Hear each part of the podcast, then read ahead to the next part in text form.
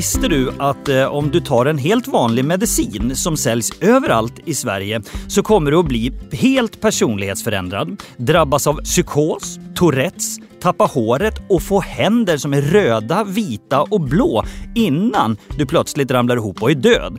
Ja, om du inte hunnit ta livet av dig själv först, det vill säga. Sådana här slutsatser skulle man faktiskt kunna dra om man läser bipacksedeln till den här receptbelagda medicinen lite mer noggrant.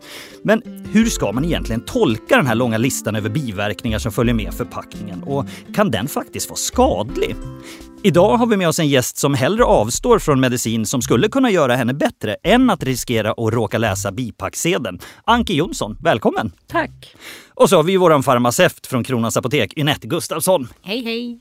Själv heter jag ju Håkan Ivar och det här är Hypokondrikerpodden. En podd från Kronans Apotek där vi pratar upp öppet om allt det här som kan leda till en viss ja, hälsoångest annars. Och det i hopp om att ta koll på onödiga tabun eller skamkänslor. Och så försöker vi att lära oss något nytt i varje episod.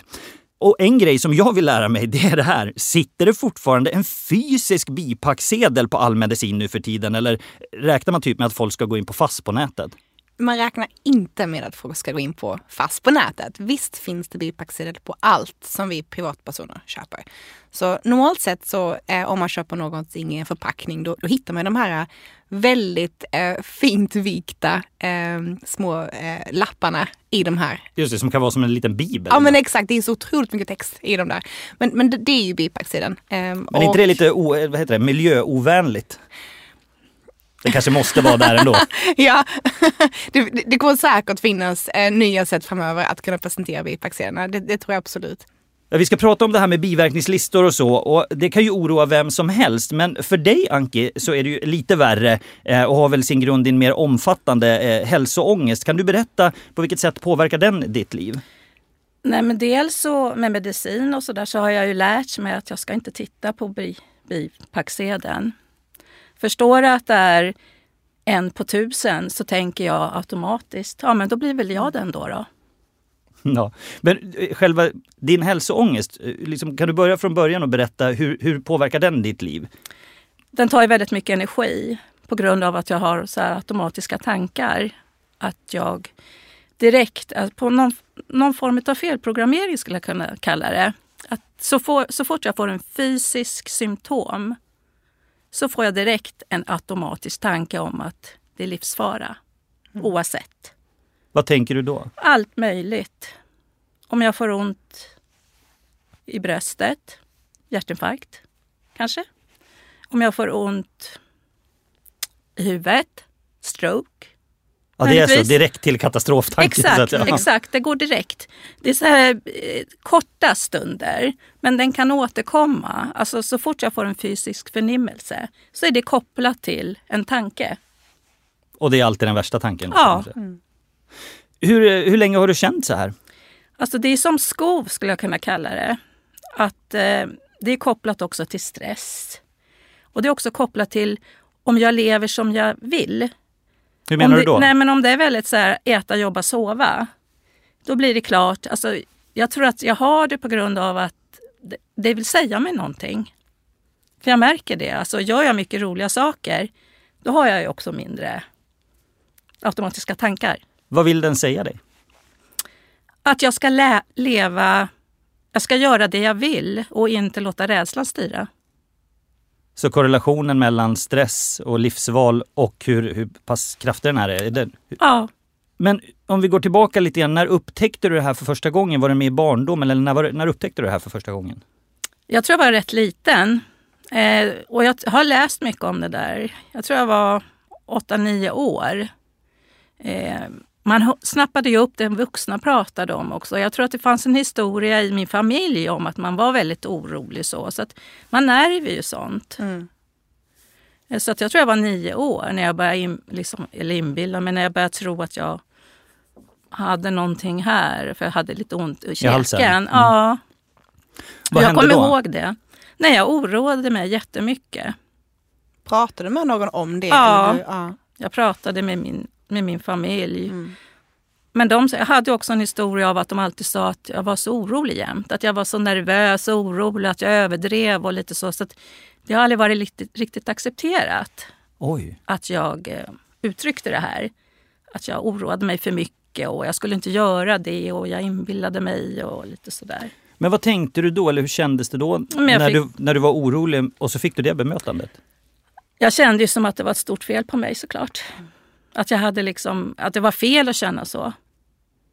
Ja, och jag kan tänka mig också att om man inte får hjälp med att få det utrett i början, då får man heller inte någon form av bekräftelse på att det var inte så farligt. Så att nästa gång kanske inte heller är så farligt. Så att om man lägger locket på, det är klart att då börjar man ju oroa sig ännu mer kan jag tänka mig. För att man får aldrig bekräftat att det var inget, ingenting. Nej men just den här känslan av skuld och skam växer ju jättemycket. Jag har någonting som jag behöver uttrycka eller jag har vissa tankar. Men när jag säger det till någon så får jag verkligen höra att det är fel. Jag måste ju vara en procent i hela världen som har det här då. Eftersom alla, eller inte alla, men många då. Och det tror jag har präglat mig. På vilket sätt? Nej men att jag inte säger heller, att jag håller det inom mig. Och att bära det, det blir som en det blir som ett stort ältande. Men det, jag tänker att det måste vara ganska jobbigt för ett barn att inte få släppa ut det där. Men det, det där har ju påverkat dig om jag förstår det rätt även i vuxen ålder med yrkesval och sånt idag. Absolut. På vilket sätt? Nej men jag jobbar ju med barn idag. Jag försöker ju liksom återskapa min barndom varje dag kan man väl säga om man hårdrar det. Nu har jag ju en fallenhet för det också. Så att det är väl inte bara det. Men jag kan tänka mig det. Hur menar du återskapa din egen barndom? Nej men att jag försöker att vara den vuxne som jag vill ha, ha som barn. Går du ofta till eh, läkare då? Nej, Varför inte då? för jag är rädd. Hur menar du då? Jag är inte dumstridig så jag väntar in i det sista. Men eh, jag, jag eh, springer inte dir- direkt. För det finns ju två stycken kategorier av det här med hälsoångest. De som springer till läkaren jämt och de som är som jag, vågar inte googla på symptomen och går gärna inte till läkaren förrän jag måste. Jag tänkte, det låter ju som vilken 40-talistkarl som helst. Tänkte jag så här, man går inte till doktorn för då blir man sjuk. Tänkte jag, så här. jag Ja. skojar lite men du förstår. Ja, ja men så är det. För att om jag tolkar rätt så handlar inte detta om att du inte vill dit för att du inte har tid eller för att du inte tycker att jag är sjuk utan det är för rädslan Ja. vad det skulle kunna Ja. innebära. Ja. Eller då får man det bekräftat. Ja. Ja. Och jag försöker också för att jag tror att också att det här är kopplat till kontroll. Mm. För jag kan försöka föreställa mig vad kommer läkaren att säga och så försöker jag liksom förbereda mig, alltså alla de här situationerna. Men det är en omöjlighet. Men vad ska till för att du ska gå till doktorn till slut då? Nej men alltså, en, eh, ja att det ska vara allvarligt. Någon, då tror jag att min logiska ank kopplas på. Att nu är det dags. Hur lång tid tar det innan den kommer in i bilden? Då? Det beror ju på smärtan eller typ vad jag nu har för någonting. Har du någon tidsgräns? Liksom? Eh, jag, brukar, jag har fått något råd någon gång att har jag fortfarande värk efter 14 dagar, då ska jag gå. Hur känner du kring det här med mediciner och, just bipacksedeln? Då? Hur funkar det för dig? Eh, jag försöker att inte läsa den, för det står ju otroligt mycket, bi, eller mycket biverkningar. Och jag är faktiskt jag är rädd för medicin. Om jag tar Alvedon hemma, då tittar jag två gånger att jag tar Alvedon. Så att jag inte tar något annat. Men jag har ju inget annat hemma. Men har du tagit medicin och vad hände då? Eh, jag har gjort det två gånger i mitt liv, två perioder. Berätta om det.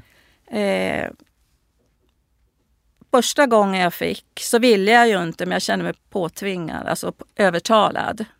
För jag tycker inte att det är, alltså det är tvetydigt där. Många kanske tycker jag är dumstridig som inte tar det. Det kanske skulle vara jättebra. Men det är min personliga åsikt. Vad hände då när du tog medicin? Jag, jag minns bara att jag fick eh, såna nässelutslag över hela kroppen.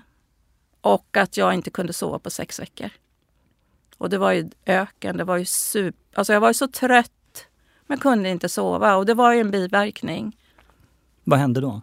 Nej, jag, fick ju en, jag blev ju ännu sämre de där sex veckorna. Ja, och det är, också, det är så synd för där fick du verkligen bekräftat den gången att din rädsla Mm. är fog. Mm. Hur löste det sig då? Nej, jag stod ut. För jag kände mig tvingad att ta de här medicinen. Så att jag gjorde ju det som jag blev tillsagd. Och sen åt jag väl ungefär ett och ett halvt år tror jag. Men sen när jag kunde fasa ut det så kände jag mig så fri. Vad är det som gör att man, de här ångestdämpande, vad är det som gör att man inte går in i det här spinnet? Att ältandet försvinner eller att man ältar mindre? Ja, precis. Det finns ju eh, de här ångestdämpande, de har ju eh, lite olika effekt, men det som man kan säga för allihop är egentligen att de påverkar ju vårt nervsystem och hur nerverna eh, skickar signaler till och från hjärnan eh, och aktiverar olika delar av vår kropp. Eh, och det finns ju lite olika typer av eh, ångestdämpande och stämningshöjande ehm, eh, läkemedel. Och eh, för, att, för att ta exempel eh, så ett preparat eh, som väldigt många använder är ju eh, SSRI SSRI-preparat. Just det. Selektiva serotonin återupptagshämmare är ju namnet. Och det, det finns även andra liknande preparat eh, som, som det här eh, som alla påverkar just de här signalsubstanserna som finns i våra nervceller som fungerar som det som faktiskt skickar signal. Ehm, och det, det som just de gör det är ju att um, de hämmar helt enkelt återupptaget så att du får, du får mer nervaktivitet och försöker då liksom, justera balansen i nervsignalen skulle man kunna eh, säga. Så att man eh, Ja, så att man, man börjar tänka och reagera och resonera lite annorlunda än vad man gjorde innan när man hade den här obalansen. Kan man få den där balansen på annat vis? Eh, nej, absolut. Eh, läkemedel är ett sätt att försöka påverka detta. Det är ett ganska konkret sätt för där, där har man ju sett, eh, man har kunnat identifiera olika mekanismer i vårt nervsystem som, som leder till ångest eller leder till depression och där kan man då se liksom, rent medicinskt att man kan påverka det. Men man ser ju även att andra saker kan påverka detta. Ett exempel är fysisk aktivitet. Mm. Eh, och det är någonting som eh, idag till och med förskrivs på recept för man, där kan man även se hur det faktiskt rent biologiskt påverkar eh, hjärna, humör, stämning, nervsignaler eh, mycket. Det påverkar väldigt, väldigt mycket i kroppen. Um, så det är absolut inte att förringa. Uh, och man kan även, KBT som vi har tagit upp, uh, är också ett sätt där man faktiskt ser också på effekt. Um, Kognitiv beteendeterapi? Precis, precis. Mm. Så att det, det handlar helt enkelt om, uh, det är ju individuellt Eh, och all behandling går ju mer och mer mot individuell behandling och individuella mediciner och rådgivning just för att alla är olika och reagerar olika på olika läkemedel. Och eh, även inom läkemedelstrappan så finns det ju olika läkemedel som, som påverkar olika nervsignaler, eller eh, de här substanserna då, signalsubstanserna. Eh, vissa passar SSRI för, men för andra kanske man behöver då titta på eh, en annan kombination eller som påverkar andra signalsubstanser. Eh, och just när vi tittar på ångestdämpande så finns det ju den, den, gamla sorten som hade kanske lite mer trötthetsbiverkan och, och, och gjorde den kanske eh, väldigt låg. Eh, medan de nyare är lite mer eh, modifierade och kanske lite mer, jag vill inte säga effektiva, men kanske har en annan eh, biverkningsprofil eller en, en annan effekt. Ehm, det ena är inte bättre än det andra, men det ena kanske passar en större grupp och sen så får man då liksom hitta fram till vad som passar just mig. Så det är alltid väldigt individuellt. Men då är det att man, när man tar antidepressiva mot till exempel hälsoångest så är det just att den delen som slår mot ångesten som, som man är ute efter. Jag förstår jag det rätt då? Ja, men så skulle man kunna säga. Och, eh, eller att man, man aktiverar den del som kanske motverkar det lite mer. Att man ökar den eh, nervsignalen lite mer. Men du tog medicinen ändå ja. under den här tiden? Jag är duktig. Jag är duktiga flickan så jag ja, gör ju som ja. jag blir tillsagd. Men det var en plåga samtidigt eller? Ja, inte varje dag. Jag märkte ju att jag, alltså, jag blev ju bättre så men det var inte något som jag ville skriva på min meritlista att jag mm. åt antidepressiva mm. medel. Jag måste bara fråga, vad du sa att du inte gillar att läsa bipacksedlar mm. och, och, och och så. De här gångerna då hade du också aktivt inte läst på vad man skulle kunna få för Jo, reaktioner. det tror jag. Ja. För det fanns ju en tid då jag läste. Ja, ja, precis. För jag vet att vi ofta när vi expedierar läkemedel på apotek, då brukar vi faktiskt rådge vissa när vi märker i samtalen att man är lite nervös för biverkningar, att faktiskt inte gå in och läsa utan vi nämner de som är viktiga att känna till, de som vi vet kan, man kan påverka. Men eh, vi rekommenderar faktiskt då att aktivt inte gå in och läsa mm. just för att inte ökar risken att drabbas och börja fundera, Exakt. skulle detta kunna vara? Mm. För det, det, är också ganska intressant att titta på hur kroppen fungerar. Vi kan ju liksom fram, framkalla rent, rent tankemässigt känslor som gör Absolut. att vi då upplever att vi, vi får biverkningar. Och nu säger jag inte att det var så i ditt fall. Nej. Jag bara vill lyfta Ja. att det, så, så kan det ju vara också.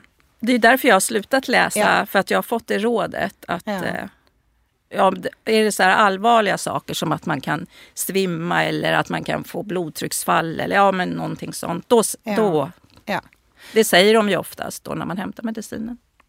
Jag bara tänkte på det. Du berättade att du var duktig flicka och åt dina mediciner. Ja. Ehm, för jag, jag funderar lite på just det när det gäller vissa läkemedel där man verkligen måste äta vissa dagar en viss mängd trots att man kan få ganska tydliga bieffekter. Ett exempel är antibiotika. Om du hade fått en antibiotikakur idag, Mm. hade du känt att nej, men den här beh- behöver jag äta upp på grund av resistensutveckling och dylikt? Eller hur ställer du dig till, till sånt idag? Nej, ja, det får, jag antibiotika eller penicillin, då äter jag det. Mm, mm. Skönt att höra. Ja. För att där har vi ett problem att många kanske inte äter allting. Eh, både på grund av att man kanske är rädd för vissa biverkningar, eh, för magproblem eh, eller att man känner sig frisk efter några dagar. Trots att, att vi vet att, att du fortfarande har bakterierisk kvar. Men Så där går ju min bra. logik in. Ja. Alltså, jag är inte dumstridig utan jag, jag, jag är ju skärpt Ja, ja. emellanåt Ja. när det där kopplas ut. Det Ja. där. eh, så det gör jag. Ja.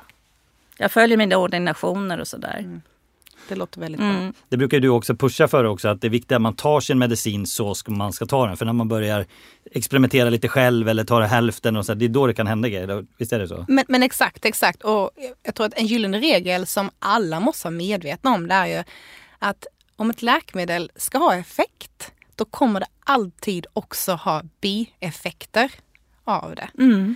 För det är så att ju mer potent ett läkemedel är, ju, ju mer kommer det påverka. Och då finns det ju en del, en del effekter som är önskvärda och det finns en del som är mindre önskvärda. Och det är alltid balansen, alltså relationen mellan de två som avgör ifall vi anser att ett läkemedel är säkert eller inte.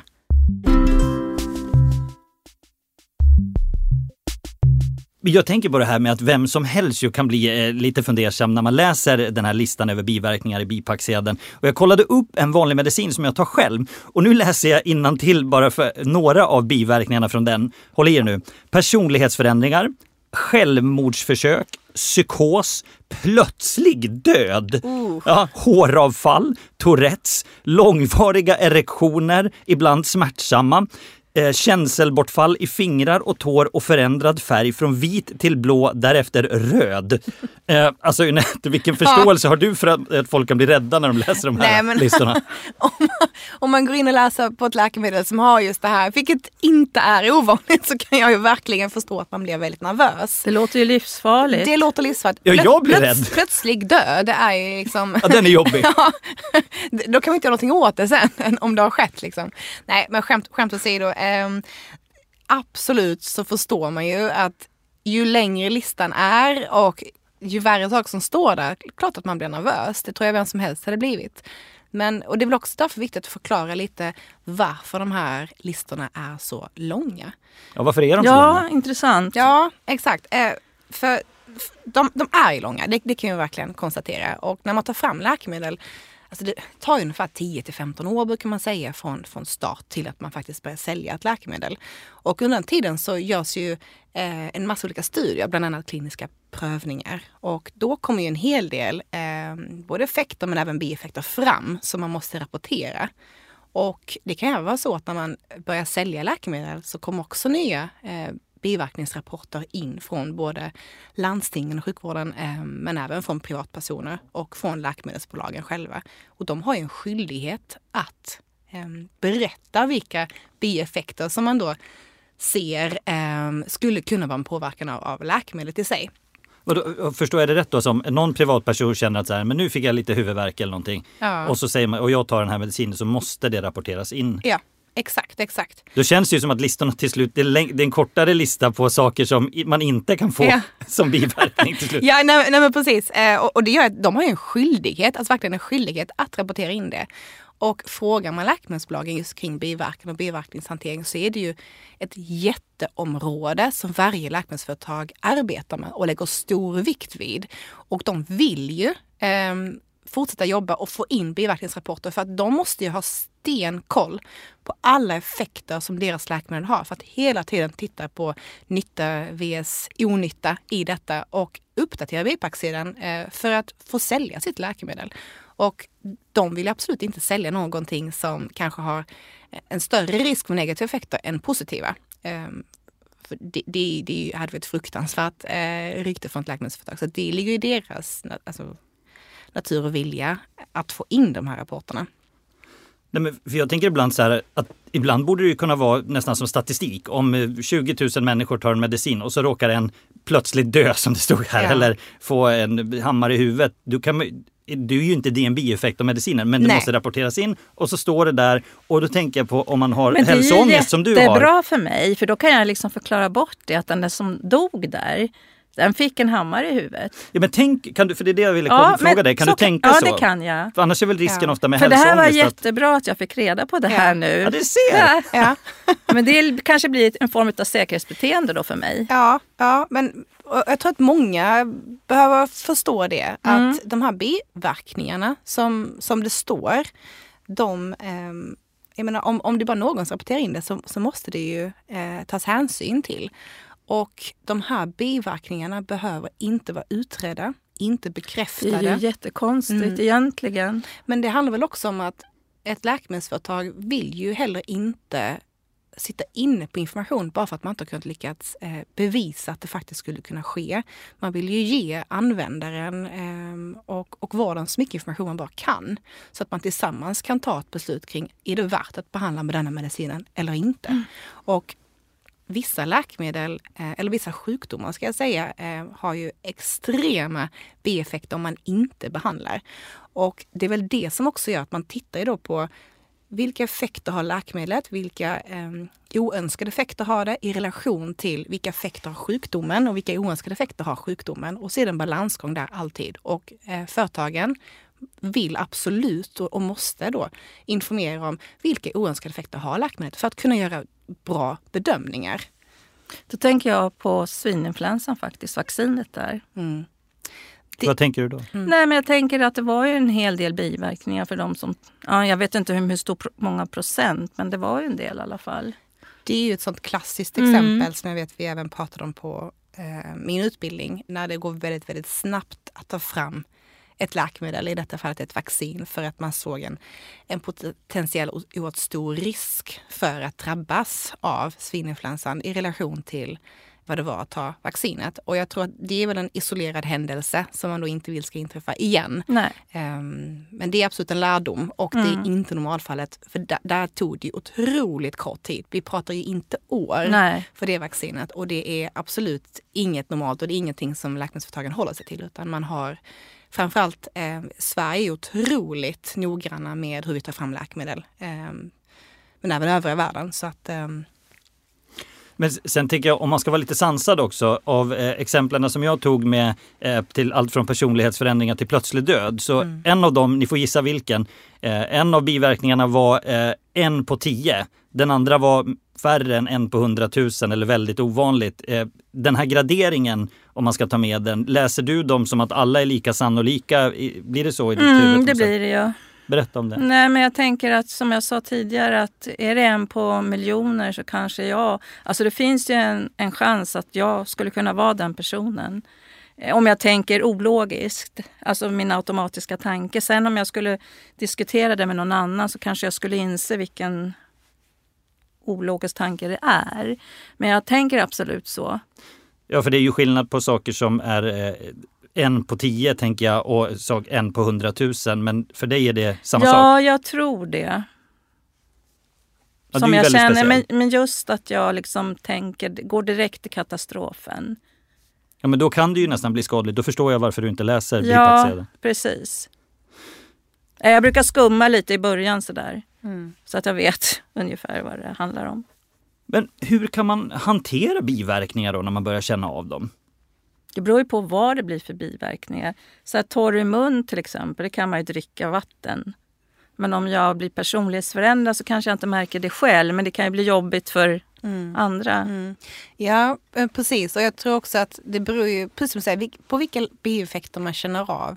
en del bieffekter som är torr i mun Mm. vet vi är vanligt och kan man ju faktiskt egenbehandla. Och, Exakt. och väldigt ofta tänker vi att men det är en accepterad bieffekt av det här läkemedlet. Och, så därför tror jag också det är viktigt att känner man av någonting som man är rädd för skulle kunna vara en biverkan, eh, beroende såklart på vad det är, eh, men att man alltid faktiskt kontaktar någon Mm. och frågar kring det. Eh, antingen att man, man liksom uppsöker den läkaren som har förskrivit läkemedlet men, men också i väldigt många fall faktiskt går till eh, läkemedelsspecialisterna, alltså vi farmaceuter Mm. på apoteken. Eh, för vi har ju den bredaste kunskapen om läkemedlet eh, inom, inom vård och omsorg idag. Att man faktiskt pratar med oss eh, och kanske hittar enkla sätt att hantera de här biverkningarna och också få bekräftat att det här är normalt. Och det är en jätteviktig del i vår expedition av läkemedel att vi behöver ju säkra att patienten tar sitt läkemedel. Och det innebär att vi också måste berätta ifall vi vet att det finns vissa saker som skulle kunna vara en bieffekt som patienten kommer märka av, som skulle kunna påverka om patienten vill fortsätta med sin behandling. Och där är muntorrhet ett, ett, ett bra exempel. Mm. Men det är klart att plötslig död eller super mycket erektioner eh, eller så för, för vissa läkemedel kanske inte Nej. är eh, det vi sitter och, säger över disk för att det kanske är otroligt sällsynt. Mm. Och då, då är inte det det första vi tänker på. Men, men även där, det är ju faktiskt att våga lyfta frågan, Mm. fråga, fråga. Mm. Men jag måste fråga dig eh, Anki, hur funkar den här hälsoångesten för dig i relation till dina anhöriga och närmaste? Eh, vad säger de idag till dig? De, de är ju väl införstådda i det här. Hur hanterar de det då? Jag har ju tre barn. Två stycken har ju fått ungefär samma... Komposition? Ja, just det. Ja. Så att, men det är bra att vi liksom är motpoler då och, och eh, mina andra två medlemmar de är lika och de är helt annorlunda, eller inte helt annorlunda men de är precis tvärtom. Hur märks den här dynamiken mellan er? då? Alltså det är bra för tänk om vi alla var så där. Mm. Då hade det varit katastrof. Ja, tre till gång varandra ännu mer. Ja precis för det blir ju det. Ja det blir en bra dynamik Mm. samtidigt som jag vill ju inte vara känd som den oroliga heller. Det är inte så kul. Har du provat terapi mot det här? Ja, Hur gick det? Hela mitt liv har jag har hållit på med personlig utveckling hela livet. Alltså det går ju bra och jag gillar verkligen att jobba med mig själv. Och jag ser det som en utmaning också. Men allt som jag har lärt mig kommer jag ju inte ihåg. Jag måste liksom åter...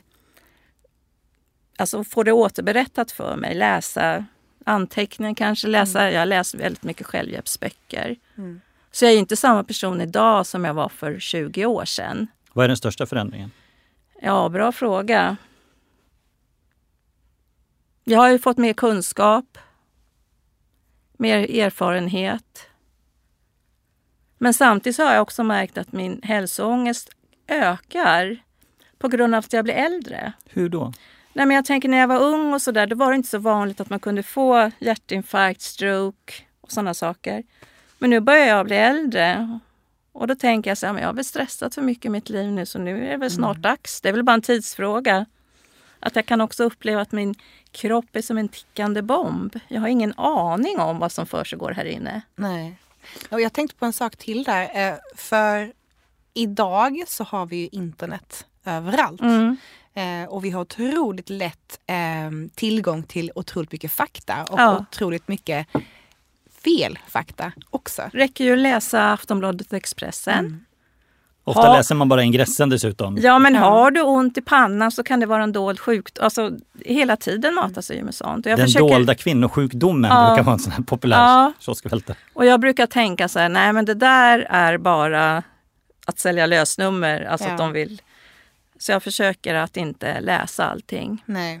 Men jag tänker att eh, en del av problembilden när man har hälsoångest det är ju att en del går till, som du säger, till läkare Ja. många gånger och får bekräftat gång på gång att men det är ingenting. Och då rationaliserar, om, rationaliserar man omvänt och tänker att jo men det är det nog, du vet nog inte bara vad jag pratar om. Men jag får ju känslan av att du har en, en balans mellan, eh, som kan vara svår när man har hälsoångest, att jag vet logiskt det här, Ja. men jag, det jag känner är en annan sak. Ja. Du beskri, jag tycker du beskriver på något sätt att Mm. du ändå du kan åkalla den här. Hur fungerar den balansen för dig? Har den växt med åren, den förmågan eller? Jag vet faktiskt inte. Det borde den ju ha gjort eftersom jag fått mer erfarenhet. Jag har blivit klokare. Men jag är ju inte nonchalant alltså i mitt sätt att vara. Jag nonchalerar inte farliga signaler.